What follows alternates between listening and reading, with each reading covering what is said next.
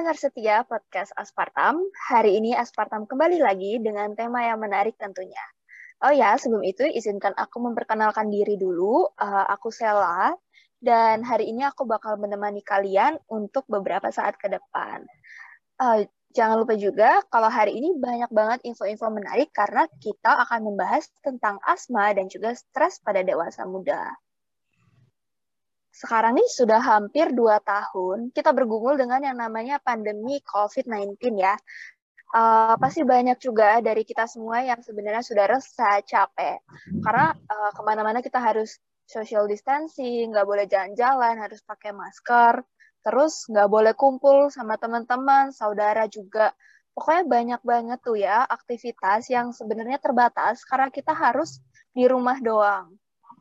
Nah, karena ini, banyak dari kita nih yang tidak kuat menghadapi perubahan dan bisa berujung pada depresi hingga menimbulkan beberapa banyak penyakit lainnya. Nah, pada hari ini kita sudah kedatangan beberapa narasumber yang luar biasa untuk menjawab pertanyaan teman-teman yang sudah kita kumpulkan. Langsung saja kita sambut. Di sini sudah hadir narasumber pada hari ini, yaitu Dr.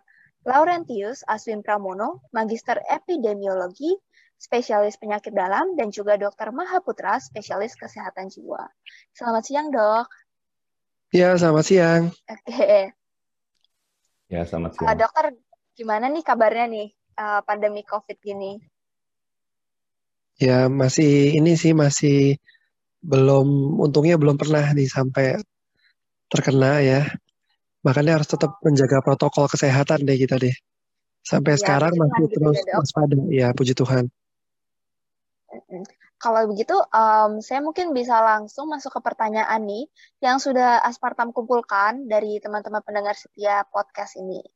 Uh, kalau begitu, uh, mungkin saya bisa bertanya kepada Dokter Aswin terlebih dahulu. Uh, sebenarnya asma itu bagaimana ya dok? Apakah cuma sesak napas saja atau ada gejala-gejala lain begitu dok? Oke, terima kasih Sela. Jadi asma itu adalah penyakit peradangan kronis pada saluran nafas. Ya, gejalanya nggak hanya sesak, tapi juga ada batuk-batuk, terus terasa dada terasa berat, terus uh, mengi. Itu ada empat gejala asma yang paling sering dilaporkan. Itu memang itu tanda kardinal lah. Jadi tanda utama dari asma ya, mengi, sesak nafas, dada terasa berat, dan batuk-batuk. Oh, begitu ya, Dok. Ya. Apalagi sekarang ini udah masuk ke bulan-bulan akhir gitu biasanya udara dingin gitu ya, Dok. Uh, nah, ya, itu betul. sendiri uh, untuk faktor-faktornya uh, apakah hanya gejala dari genetik, dari keturunan atau bisa juga dari lingkungan gitu, Dok? Iya. Ya betul tadi ya, udah masuk mau bulan-bulan berber gitu ya. September, Oktober itu kan musim hujan dan udara dingin. Nah, udara dingin itu merupakan salah satu pencetus ya dari asma ya bagi orang yang sudah memiliki apa eh, penyakit asma. Jadi penyakit asma itu memang faktor salah satu faktor yang utamanya memang genetik. Ya, faktor keturunan. Jadi faktor eh, dari riwayat keluarga. Tapi ada faktor lingkungan yang sangat berperan. Misalnya lingkungan itu ya udara dingin, terus uh, debu ya, polusi udara, terus ada serbuk-serbuk sari gitu ya, serbuk-serbuk polen itu ada beberapa, termasuk juga makanan. Makanan juga bisa memicu terjadinya kekambuhan dari asma. Makanan-makanan yang alergen, ya alergenik gitu ya. Terus satu lagi ya juga uh, psikologis ya, apa uh, seperti situasi psikologis gitu ya dok ya. Ya, seperti stres, baik stres maupun yang positif juga bisa loh. Terlalu excited terhadap sesuatu atau sesuatu yang mengembirakan kadang-kadang bisa juga itu dikatakan e, mencetuskan gitu ya kekambuhan dari asma. Itu. Tapi memang stres memang stres secara apa yang yang negatif ya stres e, fisik maupun stres psikologis memang bisa memicu e, kekambuhan atau serangan asma Hmm, begitu ya dok ya. Jadi stres itu juga memang bisa berpengaruh kepada asma. Kalau begitu ya. selanjutnya saya ingin bertanya kepada dokter Mahaputra karena masih masuk dalam topik ini tentang asma dan juga stres. Uh, definisi stres atau depresi itu sendiri apa ya dok? yang agar bisa diketahui bahwa itu memang benar-benar stres atau depresi atau mungkin hanya mengaku-ngaku gitu dok istilahnya. Oke, okay. ya terima kasih. Jadi kita perlu bedakan juga ya uh, stres itu dan depresi itu tuh dua hal yang berbeda gitu. Nah itu berbeda sekali. Nah sekarang kita satu-satu dulu. Misalnya yang stres gitu ya. Nah stres itu sebenarnya secara umum pasti terjadi selama kita hidup ya. Jadi hal-hal yang membuat kita tertekan, hal-hal yang sifatnya tidak sesuai dengan ekspektasi kita, hal-hal yang uh, membuat kita nggak nyaman itu biasanya stres. Ya. Nah, stres ini nanti ada dua lagi. Ada yang namanya eustress. Jadi stresnya itu uh, ada, tapi masih bisa dihandle gitu. Jadi stres itu bisa dikelola, bisa dihadapi, sehingga mendapatkan suatu pencapaian tertentu gitu. Jadi hadapi itu eustress. Tapi ada satu lagi yang namanya distress. Jadi stresnya itu sangat berlebihan sehingga tidak bisa dikelola atau dilampaui oleh orang yang bersangkutan. Nah, jadi biasanya yang menjadi masalah itu adalah yang distress. Tapi yang eustress itu um, biasanya justru membuat seseorang itu bertransformasi menjadi diri dia yang jadi lebih baik gitu. Nah, kalau depresi itu beda lagi. Uh, depresi itu adalah kecenderungan seseorang uh, yang ditandai dengan menurunnya mood, kurangnya energi, dan hilangnya minat. Ya, jadi bisa dibilang depresi ini jauh lebih kompleks dibanding stres pada umumnya, Fir. Hmm, menarik ya dok. Kalau hmm. untuk penyebabnya sendiri itu kenapa ya dok? Nah, balik lagi kalau kita ngomongin yang distress dulu ya, kalau yang distress itu dari internal ya, dari internal itu paling ini sebenarnya simple. Ekspektasi kita atau harapan kita tuh terlalu tinggi. Ya, ekspektasi sih kata yang paling tepat ya. Jadi itu ketinggian gitu. Ya. Jadi tekanan berbanding lurus dengan gaya gitu ya kalau pernah dengar rumus fisikanya itu tuh berlaku juga. Jadi kalau gaya atau ekspektasi kita kebanyakan, masih tekanan juga tambah tuh, meningkat juga. Nah itu itu dari internal ya. Kalau dari eksternal ya misalnya memang hal-hal yang tidak bisa kita ubah. Misalnya ada bencana alam, ya COVID kayak gini ya, meninggalnya orang terdekat. Wah itu kan besar tuh. Hmm, itu yang eksternal. Jadi kalau di stres gitu ya, ada internal dan eksternal. Nah, kalau yang depresi ini agak beda, dia lebih lebih spesifik ya. Depresi ini kita bisa bagi menjadi tiga kelompok besar, baik secara biologis, secara psikologis maupun psikososial maupun sosial gitu ya, lingkungan sosial. Kalau biologis itu ada genetiknya. Ya, jadi kalau orang tuanya ada genetik yang hmm, pernah ada gangguan depresi, anaknya kecenderungan juga tinggi. Tapi kalau dibilang genetiknya yang mana gitu itu masih banyak belum bisa kita identifikasi satu genetik yang benar-benar mempengaruhi. Yang uh, yang kedua adalah dari biologis itu adalah wataknya. Jadi kecenderungan orang ini gimana gitu sebagai manusia. Apakah memang uh, berpera, gampang merasakan gitu ya, gampang jadi uh, gampang terpengaruh oleh emosi-emosi sekitar atau tidak. Nah, kalau misalnya orang dengan depresi itu biasanya memang dia gampang terpengaruh perasaannya sama perasaan orang lain. Itu dari biologis.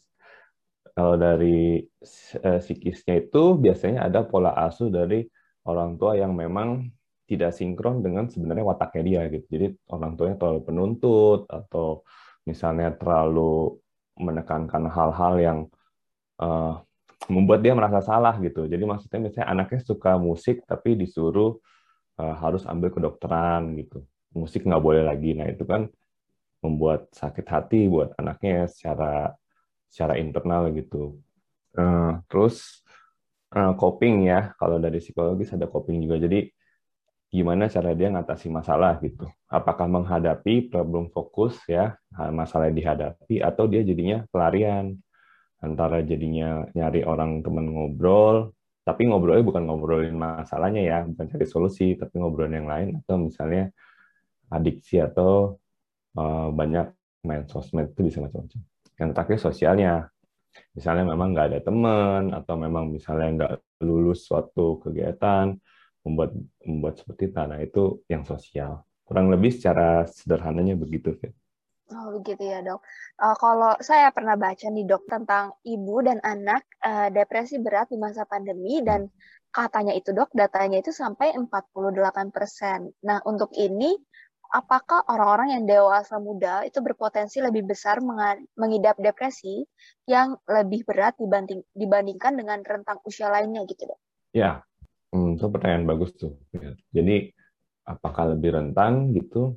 Jadi kalau kita ngomongin gangguan depresi, itu peaknya itu di dua kisaran umur gitu. Yang pertama adalah di dewasa muda, yang kedua adalah ketika lanjut usia, masa awal-awal tuh, mau masuk lansia. Nah itu dua yang paling terbesar tuh peaknya ya. Kalau dewasa muda ini, terutama ketika dia ini ya, hmm, karena dia adaptasi terhadap teman, adaptasi terhadap perpisahan dengan orang tua atau konflik dengan orang tua, adaptasi di tempat kerja baru atau lingkungan baru, itu biasanya menjadi challenge tersendiri. Belum lagi, ya tadi, copingnya itu belum bagus gitu. Eh, masih belum oke. Okay. Nah, itu biasanya memang tinggi banget tuh dewasa muda ya. Jadi mungkin kalau di dewasa muda seperti itu, Fir. Nah, tadi kan kita sudah membahas tentang depresi kalau saya pribadi dulu waktu kecil itu dok juga punya asma. Jadi kalau misalnya lagi mau deket-deket ujian tuh biasanya saya ke rumah sakit dok, asmanya kumat. Nah mungkin saya ingin bertanya kembali nih ke dokter Aswin. Ini ini ada kaitannya nggak ya dok antara depresi atau stres dengan asma itu dok? Iya ada kaitannya antara semua uh, situasi psikologis ya yang tidak biasanya pada seseorang itu bisa memang bisa mencetuskan kekambuhan atau uh, serangan asma. Memang tapi dasarnya memang asmanya itu sendiri memang tidak terkontrol gitu. Sedang tidak terkontrol memang asmanya. Uh, jadi asmanya tuh masih dia pakai inhaler atau masih beberapa waktu ada pencetus misalnya pencetus fisik maupun pencetus lain gitu ya dia itu bikin kambuh atau serangan. Nah di saat itu ketika ada memang kalau ada situasi psikologis yang memberatkan gitu ya, termasuk juga misalnya kecemasan yang berlebihan atau ya tadi ya stres menghadapi sesuatu gitu ya, antisipasi terhadap sesuatu, uh, itu dia bisa mencetuskan uh, kekambuhan. Jadi bisa tahu batuk-batuk di malam hari atau mengi-mengi, ya wheezing gitu ya atau rasanya kok kayak sesek gitu meskipun ringan tetapi ada peningkatan intensitas dan frekuensi dari gejalanya itu. Itu bisa tapi itu bersifat individual. Jadi nggak semuanya seperti itu memang. E, pencetusnya asma serangan maupun kambuh asma dari masing-masing orang itu berbeda-beda. Ada yang lebih dominan misalnya karena dia misalnya kena polusi atau fisiknya capek banget gitu ya, kecapean gitu, bergadang atau uh, secara fisik gitu dia latihan uh, olahraga terlalu berat misalnya uh, tidak dibarengin dengan pemanasan yang baik dan sebagainya itu bisa mencetuskan juga. Terus uh, termasuk psikologis tapi beda-beda. Tiap orang beda-beda. Nah ini kalau menghadapi suatu apa ya uh, stres karena ujian gitu atau karena ulangan umum dulu ya kita ya bisa aja gitu ya. Atau karena ada suatu konflik bisa loh. Konflik yang membebani pikiran dia atau mungkin nggak harus sampai depresi mungkin ya nggak harus sampai jatuh ke depresi tapi apa ya gangguan penyesuaian aja bisa menyebabkan itu. Kalau terjadi uh, akut dan berat tidak bisa ditangani oleh oleh orang yang bersangkutan gitu. Oke, um, kalau gitu saya ingin bertanya lagi dok tentang bahayanya kalau menghadapi asma dan depresi pada saat yang bersamaan gitu. Apakah ada bahaya-bahaya yang parah gitu dok? Mungkin bisa dimulai dari dokter Aswin terlebih dahulu. Iya, kalau depresi itu di berbagai literatur memang juga berkaitan dengan uh, kekambuhan dari asma itu lebih sering ya. Dan quality of life-nya atau kualitas hidupnya pasien itu udah pasti lebih buruk. Jadi kalau terjadi bersama-sama ya depresi sendiri, terus dia juga memang punya asma dari kecil sendiri, ini saling memperberat gitu ya. Asmanya memperberat depresinya. Jadi si asma ini akan memperberat depresi dia nih. Semakin beratnya. Moodnya kehilangan dan sebagainya gitu ya. Tidak mau makan, apa anhedonia ya, apa. Dan depresinya ini memperberat juga gejala asmanya. Jadi serangan lebih sering, penggunaan inhaler, ketergantungan inhalernya juga lebih lebih banyak, lebih frekuensi lebih banyak gitu menggunakan inhaler dan obat-obat lain juga butuh yang lebih butuh. Tapi uh, kalau diobatin dengan uh, baik dua-duanya itu sebenarnya bisa ya, tidak tidak yang sampai fatal gitu. Ya kalau tanya berbahaya apa tidak ya tentu lebih meningkatkan resiko uh, kondisi buruk lah dan overall menurunkan kualitas hidup gitu ya. Saya belum sampai membaca derajat depresi itu secara secara studi ya bisa turun atau tidak dengan berapa derajat asmanya gitu ya. Jadi secara klinis tuh apakah derajat depresinya semakin berat jika derajat asmanya semakin berat itu mestinya ada papernya, mestinya harus ada, mesti bisa dibaca. Tapi kalau sampai pasien masuk ke depresi yang berat, nanti mungkin dijelaskan sama dokter Putra, ya tentu ada resiko yang lebih buruk, ya lebih fatal gitu untuk terjadinya misalnya kayak apa suicide ya, apa keinginan bunuh diri dan sebagainya. Gitu. Tapi untuk bidang uh, asma sendiri, penggunaan inhaler itu pasti lebih banyak jadinya. Kebutuhan akan uh, reliever, reliever ya, seperti apa salbutamol lebih tinggi kalau orang itu uh, punya uh, stresor psikologis. Jadi kalau kita belajar asma itu ada dua obatnya, reliever dan controller ya. Jadi kalau reliever itu gejala akut. Jadi kalau lagi serangan dia butuh semacam salbutamol gitu. Diuap atau nimbu gitu ya atau minum obat gitu. Kalau controller ya untuk maintenance. Nah, orang yang dengan maintenance yang tadinya tidak butuh reliever ya pelega, dia jadi butuh pelega kalau uh, ter, tercetuskan tercetuskan oleh uh, stresor-stresor psikologis yang termasuk depresi juga gitu ya. Tapi jangan lupa juga cemas loh. Cemas itu juga berhubungan banget dengan dengan serangan asma. Jadi uh, perlu diperhatikan itu aja sih. Bisa. Jadi kebutuhan pengobatan jadi lebih uh, banyak untuk asmanya. Kalau dia ada faktor resiko uh, pendampingnya yaitu stres psikologis termasuk depresi. Oke, terima kasih Dokter Aswin. Mungkin ya, ada tanggapan nggak ini dok dari Remar Putra? Ya, jadi hubungan antara asma dengan depresi ya. Saya sependapat sama Dokter Aswin ya, yang saya juga dapat bahwa memang hmm, kalau misalnya dia ada asmanya dan ada gangguan depresinya, itu juga Eh, kekambuhannya meningkat gitu ya lebih sering kambuhan sama ada beberapa penelitian yang bilang fungsi parunya itu agak menurun gitu ya dibanding yang uh, tidak ada gangguan depresinya. Gitu. Nah kalau dibilang ada hubungan atau tidak ini kan um, dibilang ada ada gitu. Nah mungkin sebelum kita ke hubungannya dulu uh, kita coba deh ini asma Eh, jadi bikin depresi atau depresi jadi bikin asma gitu ya. Nah ini kebetulan saya uh, nemu ya penelitiannya itu jadi dilakukan di Korea gitu ya. Memang National Health Survey jadi dari rekam medik terus diikutin tuh uh, dari yang asma nanti ada depresinya atau tidak seiring waktu, kemudian dari depresi apakah ada asmanya atau tidak seiring waktu. Nah ternyata ketika diikuti di sana itu misalnya dia ada asma gitu, Nah, kecenderungan dia ada depresinya di suatu uh, beberapa tahun kemudian, which is di penelitiannya belum terlalu disebutkan, itu kurang lebih 1,3 kali uh, muncul gitu ya, kemungkinan besar. Kemudian kalau misalnya dia pernah ada depresi, kemudian nanti akan muncul asma, itu kemungkinannya 1,25 ya kali. Jadi um, somehow memang ada tuh hubungannya ya Nah, sekarang kalau kita lebih dalam lagi, hubungannya apa gitu. Jadi kita bisa lihat dari dua sisi ya.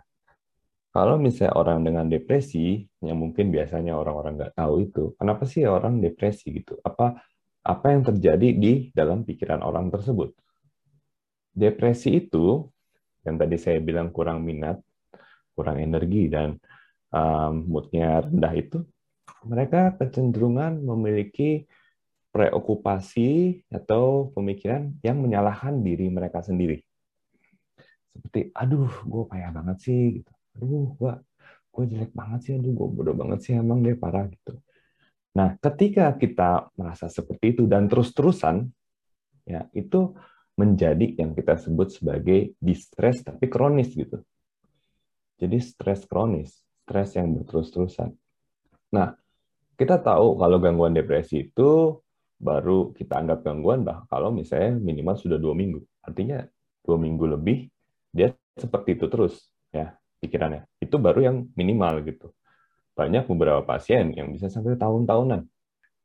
Ketika kita seperti itu, kita menyalahkan diri kita terus-menerus gitu, padahal hal-hal yang sebenarnya sudah kita lakukan sebelumnya, tapi kita terlalu tenggelam dalam kesalahan kita yang itu, itu ketika kita benci banget sama diri kita, nah itu secara biologis terdapat peningkatan hormon-hormon dan neurotransmitter yang terkait dengan stres.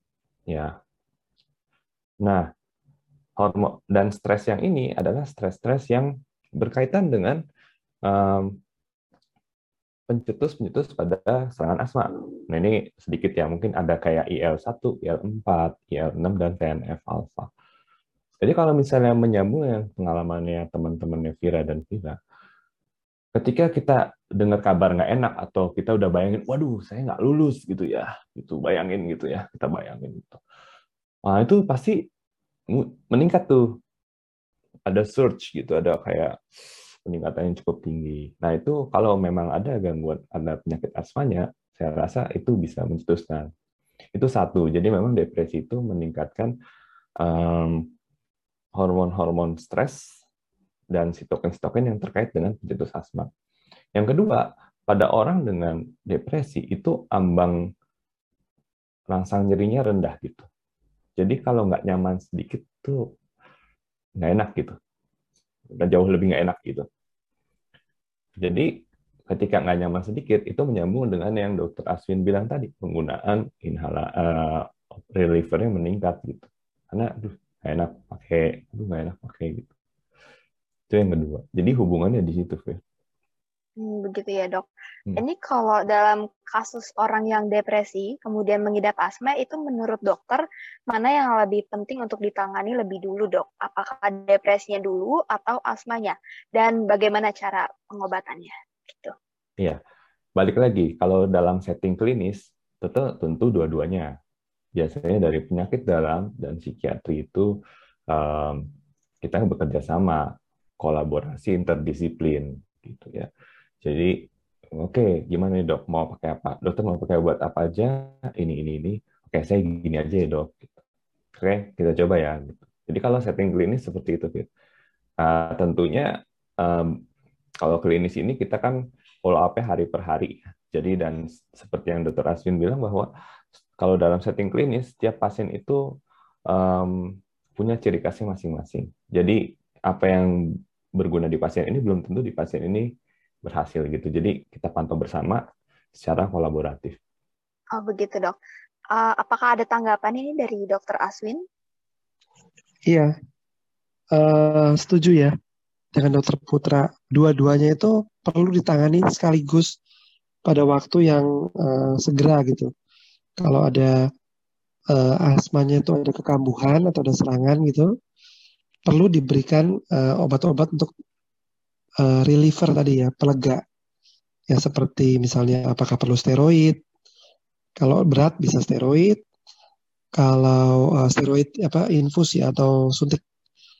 Dan yang pasti ada untuk uh, uap ya di uap apa nebulisasi gitu ya seperti salbutamol mungkin tambahin juga dengan steroid uap gitu ya ada juga tuh itu bisa untuk uh, pencetus yang lain misalnya uh, apa infeksi kita kasih antibiotik atau antivirus gitu ya. Itu itu kalau di zaman COVID itu banyak ya yang pasien asma itu akhirnya kambuh gitu ya dan itu yang menjadi pemberat dari COVID-nya gitu. Dan menimbulkan gejala COVID yang setingkat atau dua tingkat lebih berat gitu. Jadi uh, itu bisa tanganin semuanya secara fisik, tapi juga karena pasiennya memiliki uh, depresi atau gejala-gejala uh, psikis yang berat, itu juga harus berkolaborasi dengan teman-teman dari psikiatri untuk apa memberikan obat-obat uh, psikofarmaka atau konseling saat lagi uh, pasiennya udah stabil gitu ya. Emergensinya kita tanganin bersama-sama juga. Tapi juga kadang-kadang kita perlu juga memberikan ya semacam psikoterapi gitu ya untuk pasiennya menenangkan diri itu penting loh jadi komponen itu uh, jangan sampai di dilewatkan gitu dari terapi pasien-pasien yang asma dengan depresi ini atau dengan gejala psikis ini. Dua-duanya ditangani sekaligus. Kalau pasiennya mesti masuk sampai ke IGD, dari sejak dari UGD kita sudah rawat bersama dengan psikiatri. Apalagi dirawat inap, ya. Rawat inap atau di poliklinik kita bisa uh, saling apa uh, kolaborasi gitu ya. Dan kalau dirawat inap tentu ya itu uh, visit ya perlu di visit atau di di follow up uh, setiap hari ya. Setiap waktu di diamatin. Kalau uh, masih gejalanya itu rawat jalan tentu juga pasiennya ada waktu-waktunya untuk segera kontrol gitu ya. Jangan sampai gejala-gejala uh, asma itu menjadi pemberat gitu. Dan menjadi fatal buat pasiennya gitu ya. Itu dari uh, bidang asmanya. Tentu dari psikiatri juga ya jangan sampai dia memberat lagi gitu gejala gejala apa uh, depresinya itu. Ya itu uh, menurut saya sih kasusnya sehari-hari sih ada ya. Kita temukan gitu ya bisa ke kita di penyakit dalam atau dokter paru itu bisa menanganinya atau di bagian alergi juga bisa ya karena basic uh, mekanismenya kan alergi itu dokter alergi juga bisa menangani ya kasusnya cukup banyak. Jadi uh, mungkin buat teman-teman perlu mewaspadai itu teman-teman atau ada keluarga yang memiliki uh, saudara yang asma gitu ya dan ada risiko atau apa rentan memang ada gangguan uh, stres ya atau depresi atau gangguan psikologisnya itu perlu banget berkonsultasi sejak awal menurut saya. Hmm itu nanti dalam pada proses penyembuhan depresi maupun asmanya itu dok, apakah ada hal-hal khusus yang perlu diperhatikan oleh pasien seperti mungkin tantangannya gitu dok? Yang pasti compliance berobat ya. Compliance berobat itu baik meminum obatnya atau inhalernya dia pakai itu ya. Terus kontrolnya ke tenaga kesehatan yaitu dokter dalam hal ini. Ya apakah itu dokter penyakit dalam, dokter paru, dokter uh, psikiatrinya, atau dia punya dokter keluarga bisa ya atau layanan primer, ya itu kontrolnya itu loh pemantauannya. Jadi obat nomor satu, nomor dua pemantauannya, nomor tiga jika dia memang membutuhkan konseling ya, uh, psikoterapi ya tentu dia kontrol yang uh, sering ya kepada dokter psikiatri untuk mendapatkan uh, jadi kan uh, psikoterapi itu bagian tak terpisahkan nanti mungkin dokter Mahaputra akan menjelaskan dan itu bisa ya mengobati baik eh, gejala psikologisnya maupun fisiknya. Jadi asma itu erat banget dengan psikosomatik ya. Psikosomatik ya di penyakit dalam juga ada tuh psikosomatik. Jadi asma termasuk penyakit penyakit dalam atau paru yang erat kaitannya dengan psikosomatik gitu ya. Memang dia sendiri sudah sudah merupakan psikosomatik gitu ya kalau kalau ada gangguan psikiatri atau psikologis dia bisa lebih mudah tercetuskan atau lebih mudah buruk gitu kondisinya gitu jadi semua ditanganin dengan komprehensif gitu uh, pasien harus uh, diedukasi dengan lengkap ya edukasi itu penting ya edukasi yang lengkap poin-poinnya kalau perlu ditulis ya ditulis keluarga pasien, apakah itu pasangan pasien atau uh, orang tua pasien atau anak pasien gitu ya, itu perlu diberitahukan juga gitu bahwa ini resiko eh, kondisinya seperti ini, sakitnya apa gitu ya. Kalau saya selalu tuliskan satu, dua, tiga, empat gitu ya. Ini benar dipajang ya di kulkas gitu ya. Ini harus ini, ini, ini ya kayak gitu. Itu memudahkan pasien dan keluarga untuk lebih memantau penyakitnya dan kapan dia harus kontrol. Ya sekali lagi uh, berobat rutin kepada dokter yang menangani ya termasuk untuk psikoterapi sangat penting untuk uh, uh, remisi gejalanya dan kesembuhannya itu hmm, gitu ya dok tadi juga dokter sempat mention dari bidang psikiatrinya itu mungkin dokter Mahaputra apakah ada tanggapan dok? Ya. Mm, oke okay, ya saya sependapat secara umum uh, dengan yang dokter Aswin bilang. Mungkin tambahan dari saya gini. Hmm, ada ada hal yang membuat seseorang itu memang lebih rentan terhadap gangguan depresi gitu. Tadi salah satu yang saya sudah sebut coping atau yang kita sebut kepribadian gitu ya. Nah, menyambung hal tersebut, saya saya mau menekankan lagi yang Dr. Aswin bilang yaitu uh, compliance gitu. Nah, di sini hmm, kita di bagian psikiatri akan menilai gitu. Uh, Oke, okay, sejauh mana gangguan depresinya ini memengaruhi compliance dia terhadap uh, tata laksana penyakit fisik lainnya dalam hal ini asma gitu ya. Jadi uh, kita akan pantau gitu. Hmm, ini minum obatnya teratur atau tidak dan lain-lain gitu. Jadi biasanya kita nilainya secara komprehensif gitu. Dari kepribadiannya, dari kecenderungan copingnya, dari hal-hal yang membuat dia tertekan gitu. Karena setiap orang hal yang membuat dia distress itu berbeda-beda gitu. Belum tentu yang ini bikin distress, yang ini enggak. Eh, belum tentu yang ini stres.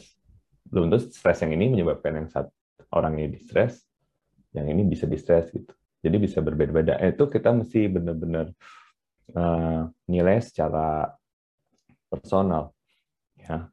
Nah, jadi tata laksana dari depresi atau secara psikiatri secara umum itu kita selalu biopsikososial gitu ya. Jadi biologisnya kita lihat apakah perlu obat di sini gitu. Uh, biasanya kalau misalnya udah derajatnya tinggi, tadi ya ada ringan, sedang, berat atau berat dengan ciri psikotik atau dengan ide bunuh diri, itu otomatis biasanya yang paling berat itu kita pasti tata laksana biologis, obat masuk. Dari psikologis seperti yang sudah dibilang dokter Aswin, biasanya kita psikoterapi. Nah, balik lagi, biasanya orang dengan depresi itu cenderung memiliki penyesalan terhadap dirinya gitu. Kenapa sih saya nggak gini? Kenapa sih saya gini gitu? Jadi dia kayak mengutuk dirinya sendiri tapi secara internal. Nah, itu kita kelola bersama dengan psikoterapi. Ya, jadi harapannya dengan dia lama-lama itu dari yang dia kayak insecure lama-lama jadi lebih secure gitu.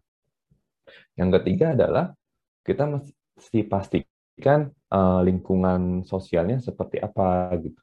Lingkungan sosialnya itu lihat ada nggak yang sebenarnya toksik tapi dia tetap berhubungan dengan orang tersebut. Jadi kadang-kadang itu yang suka hmm, orang dengan depresi itu hmm, tetap pertahankan. Padahal stresornya ya orang toksik terdekatnya itu sebenarnya bisa sahabatnya, bisa pacarnya, dan lain-lain gitu. Jadi nanti biasanya pada saat proses itu kita kelola bersama. Hmm, ini kayaknya kamu kamu ngerasain nggak sih? Kayaknya ini bikin kamu stres deh. Kamu pernah kepikiran itu nggak? Jadi secara konferensi kita pastikan gitu. Karena kadang-kadang bisa juga seseorang itu dia kambuhin asmanya agar dapat perhatian tuh bisa juga. Nah itu kalau udah ada gangguan depresi bisa kayak gitu. Bisa kayak gitu. Nah itu makanya kita mesti bahas. Kalau dari psikiatri kita bahas dengan dia. Gitu. Apakah perlu sampai seperti itu? Ya. Tapi dengan cara yang jauh lebih halus. Gitu mungkin. Fira. Kalau gitu dok. Um, untuk dokter Mahaputra, eh, sebagai orang-orang di sekitar pasien, penderita asma dan juga depresi, apakah ada hal-hal tertentu yang bisa dilakukan untuk mendukung um, pasien agar lebih cepat pulih gitu dok. Ya, oke. Okay. Nah ini agak trik ini dari dulu selalu jadi masalah. Kita sebagai orang terdekatnya gimana? Gimana kita bisa bisa membantu tapi kadarnya pas nggak terlalu kedikitan sama nggak terlalu kebanyakan gitu. ditambah lagi kalau misalnya orang depresinya itu ekspektasinya bisa beda-beda gitu ya yang yang lagi gangguannya bisa beda-beda itu juga agak challenging juga tuh mesti hati-hati kita sebagai orang yang bantu maksudnya gini bisa sekali niat kita mau bantu gitu ya tapi justru buat dia itu memperberat karena ekspektasinya tidak sesuai. Gitu. Tips dari saya adalah yang satu, jangan gunakan value atau ekspektasi kita ke mereka karena berbeda. Jangan beda orang dengan depresi. Bayangan kita misalnya, ya dia kan harus ini, harus apa? Harusnya dia belajar lagi dong, harus gini. Ya udah gue kasih semangat deh biar dia belajar lagi, bla bla bla gitu. Nah, belum tentu itu membuat dia semangat gitu belum tentu ya bisa iya bisa enggak jadi ekspektasi kita jangan digunakan ya lu keluar keluar lah gitu olahraga lah gitu. Niat kita kan baik sebenarnya ya. Tapi belum tentu buat dia itu enak gitu. Kalau kita nanyain berkala lu nggak apa-apa kan? Nggak apa-apa gitu. Belum tentu buat dia enak. Yang kita bisa lakukan adalah ya kita cuma bisa kayak mengulurkan tangan gitu. Lagi nggak nyaman ya? Oke. Kalau misalnya ada apa-apa lu boleh share ke gue ya. Udah titik atau misalnya sesekali kalau misalnya di lingkungan kalian kan kalian suka kayak ngirimin makanan ke rumah dia gitu. ya wish you the best gitu kalau ada apa-apa boleh cerita itu nggak apa-apa tapi yang terlalu intrusif gitu janganlah jangan gitu bla bla bla gitu itu biasanya malah counterproduktif gitu Makanya uh, itu tips yang pertama jangan pakai value kedua. Tips yang kedua tanya aja. Ada nggak yang bisa kita bantu? Gitu. Kalau dia bilang enggak, enggak ada, gue lagi mau sendiri. Ya udah, berarti dia emang lagi mau sendiri gitu. Biarin aja. Yang ketiga, kalau dia lagi curcol di sosmed atau di mana pun atau ngomong ke orang, kita udah sebenarnya kita udah mau bantu nih ya, kita udah mengulurkan tangan. Tapi nanti di nanti dia dia bilang nggak mau gitu. Tapi besok besok pasti sosmed terus ketemu emang ya nggak ada yang peduli saya bla bla bla gitu gitu. Nah itu kita jangan baper emang kayak gitu gitu. Emang lagi seperti itu gitu. Jadi tips saya tiga itu. Um, kita tetap mengulurkan tangan tapi kalau dia tolak oke. Okay. kalau dia merasa kayak kayaknya kita nggak bantu gitu nggak ada yang peduli dia pada kita udah bantu itu emang bagian dari gejala dia juga gitu. Jadi eh, tipsnya saya tiga itu dari orang sekitar. Tetap open hand aja, tapi jangan baper. Gitu. Terima kasih dokter Mahaputra. Menarik ya dok, kalau misalnya depresi itu kan biasanya kelihatan ya mungkin dia lebih sedih atau gimana. Kalau pengidap asma itu biasanya kalaupun dia sesak kan tidak begitu kelihatan ya dari orang-orang sekitar. Itu gimana ya tanggapannya dokter Aswin? Tapi saya nambahin dikit kali ya Fir ya um, tadi kan kamu bilang kalau orang dengan depresi itu kelihatan gitu. Tapi sekarang sih banyak yang nggak kelihatan sebenarnya. Ah begitu ya. Jadi nggak nggak begitu kelihatan juga ya dok ya? Oh sekarang pada jago-jago nutupin ya. Ini kayak senyum-senyum kayak misalnya uh, di medsos kayaknya oke okay banget gitu. Tapi ternyata deep down di di kamar dia self harm gitu atau dia sedih-sedih sendiri nangis sendiri gitu dan banyak yang kayak gitu sekarang. Iya. Jadi nggak berarti senyum, nggak berarti dia happy di sosmed, dia happy, dia sebenarnya happy, nggak belum tentu. Mungkin benar kata dokter tadi, mungkin karena banyak ekspektasi dari lingkungan sekitar itu yang buat dia jadi um, kalau di luar dia kayak kuat gitu ya dok, strong, tapi di dalam sebenarnya dia ngerasa sedih gitu ya. Iya, jadi dia capek sebenarnya, dia capek mengikuti tuntutan masyarakat atau eksternal gitu ya, yang hmm. ekspektasi dia tinggi kan. Tapi Harus, untuk depresi hmm. itu sendiri dok, uh, apakah bisa disembuhkan gitu dok? Apa sebenarnya cuma mengurangi gitu dok? Iya, cuma bisa dipulihkan sebenarnya. Nggak bisa benar-benar sembuh gitu. Jadi dia dikembalikan fungsinya menjadi, kita makanya sebutnya bukan penyakit depresi ya, tapi kita nyebut orang itu orang dengan gangguan depresi. Gitu. Jadi kita nggak terlalu fokus di gangguan ya, tapi kita mengorangkan orangnya itu gitu. Oke, lu ada gangguan depresi. Nah, sekarang apa yang mau lakukan untuk menjadi orangnya itu? Ada, kita atasi. Tapi dia tetap harus menjadi orangnya gitu. Nah, orangnya dia itu apa? Misalnya, saya suka musik gitu. Saya senang mengekspresikan perasaan saya lewat musik. Nah, itu ekspresikanlah lewat musik gitu. Itu orang yang diperkuat. Jadi nanti lama-lama orangnya lebih dominan dan lebih berkembang dibanding depresinya itu sendiri. Jadi lama-lama depresinya tertekan dengan diri dia yang sebenarnya. Itu sih. Oke, tadi kita sudah banyak berbincang tentang depresi. Uh, kalau begitu saya ingin bertanya kepada Dokter Aswin, ini yeah. kalau dari sisi pasien dengan depresi dan asma, itu sebagai orang-orang di sekitar pasiennya, itu apakah ada yang bisa dilakukan gitu dok untuk mendukung pasiennya itu agar lebih cepat pulih? Iya, jadi memang kalau pasien asma itu yang pertama bisa membantu dirinya tuh ya pasien itu sendiri. Memang harus diedukasi dengan sangat lengkap ya. Apa saja pencetusnya yang mungkin terjadi pada pasien itu.